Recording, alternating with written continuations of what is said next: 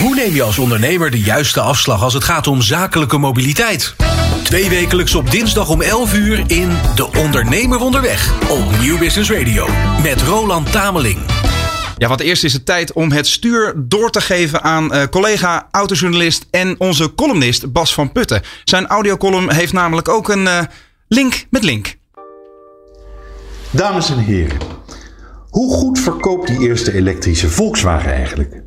Super, las ik eind november. Matig, beweert Greenpeace. Jawel, Greenpeace.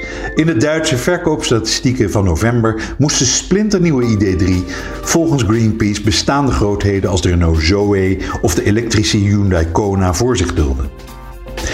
In een rapport met de passende titel Met aangetrokken handrem legt de Duitse tak van de milieuorganisatie uit hoe dat komt, ondanks de stevige stimuleringsmaatregelen van overheden in Duitsland en daarbuiten. Het is de schuld van de dealers. Want die werken tegen.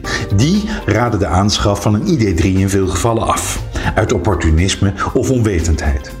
Dealers verdienen veel minder aan elektrische Volkswagens dan aan auto's met verbrandingsmotor. De productiekosten zijn hoger, dus de marge is lager. Ze hebben bovendien veel te weinig kennis van techniek en infrastructuur in huis om goed advies te geven. Hoe kan dat nou? Volkswagen-CEO Herbert Diess is zo ongeveer de fanatiekste pleitbezorger van elektrisch rijden na zijn Amerikaanse vriend Elon Musk. Volkswagen moet veranderen, schreef hij afgelopen maand nog zelf met sadomasochistische gestrengheid in het chique Duitse handelsblad. Maar lees je dat Greenpeace-rapport, dan snap je die dealers los van hun in crisistijd begrijpelijke aandacht voor de marges opeens een stuk beter. Greenpeace stuurde tientallen mystery shoppers naar Volkswagen dealers in heel Duitsland. Dit was wat ze de dealers meegaven. Ze reden 30.000 kilometer per jaar, legden elke dag tot 200 kilometer af, ook in het weekend, en elk jaar nog eens 1000 kilometer, enkele reis, naar een vakantiebestemming binnen Europa. Vervolgens vroeg de Greenpeace Mol om advies in twee varianten. Ofwel de open vraag, dus zonder vooraf aangegeven voorkeur voor verbrandingsmotor, hybride of elektrisch. Welke auto raadt u mij aan? Ofwel de of-of variant. Wat raadt u mij aan? Een ID3 of een Golf? Bij vraag 1 adviseerde een overweldigende meerderheid van de verkopers de verbrandingsmotor. Bij vraag 2 een kleinere meerderheid nog steeds die ouderwetse Golf. Aha, nu komen we ergens. Want wat zou ik als verkoper met een rein geweten adviseren als ik in Nederland een klant kreeg met dit mobiliteitsprofiel? Ik zou zeggen, doet u dat golfje maar. En weet u waarom?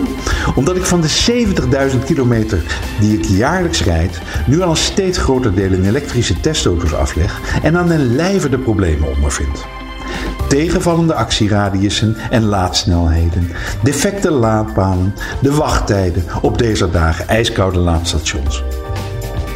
Ik ben ook een believer. Ik zie de progressie in de sector. Ik heb de elektrische Kia's en Hyundai's in mijn hart gesloten. Ik ben een kritische bewonderaar van Tesla. En, om bij Volkswagen te blijven, ik vond het energieverbruik van de ID3 hoopgevend laag.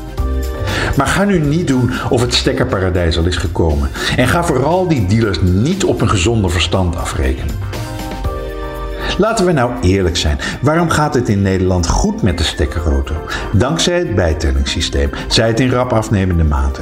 Dankzij de aankoopsubsidie van 4000 euro voor een nieuwe EV uit een overheidspotje dat afgelopen juli binnen 10 dagen leeg was. En voor 2021 met meer geld notabene al zo goed als. Kijk dan hoe die beruchte wachttijden voor EV's als sneeuw voor de zon verdwenen. De elektrische Opel Corsa, de Nissan Leaf, de MG ZS, de Hyundai Ioniq Electric. Ze zijn uit voorraad leverbaar, al dan niet met aantrekkelijke tot woeste kortingen. Importeurs stunten als idioten om hun voorraad kwijt te raken. Er is geen verdienmodel, tenzij de staat fourneert of je uitverkoop houdt. Met alle respect voor de klimaatdoelstellingen, de stekkerbak is nog geen gezonde handel. Dat het ook een unfair business is, is de schuld van de overheid die met zijn stimuleringsmaatregelen stelselmatig de hogere inkomens liet profiteren ten koste van de lagere. Van de absurde bijtellingvoordelen voor elektrische en aanvankelijk ook plug-in hybride auto's profiteerden alleen de zakelijke rijders die zich de aanschaf van een Model S of Mitsubishi Outlander konden veroorloven. Ik had als ondernemer ook geen nee gezegd. Maar de starter zonder kapitaal, die stond met lege handen. En toen de particulier dit jaar eindelijk aan de beurt was met die aankoopsubsidie, ging de hoogste bonus naar kopers met de armslag voor een nieuwe, terwijl de tweedehandskopers genoegen moesten nemen met de helft voor een gebruikte EV met een actieradius waar ze niks aan hebben. Geen wonder dat het occasion potje maar niet leeg raakte. Dit hele gebouw rust op marktverstoring en discriminatie. Enfin, ik scande op de Occasion website Autotrack, geïnspireerd door Greenpeace, maar eens op ID3. Schrik niet, er staan er 932 te koop, vaak gekentekend en wel. Voorzien van de wervende aanbevelingen, snel leverbaar en 8% bijtelling tot 2025. Ik zou zeggen, trek zelf uw conclusies. Stap in de wereld van zakelijke mobiliteit. Experts, nieuws en innovaties. Twee wekelijks op dinsdag om 11 uur in De Ondernemer Onderweg. Op Nieuw Business Radio met Roland Tameling.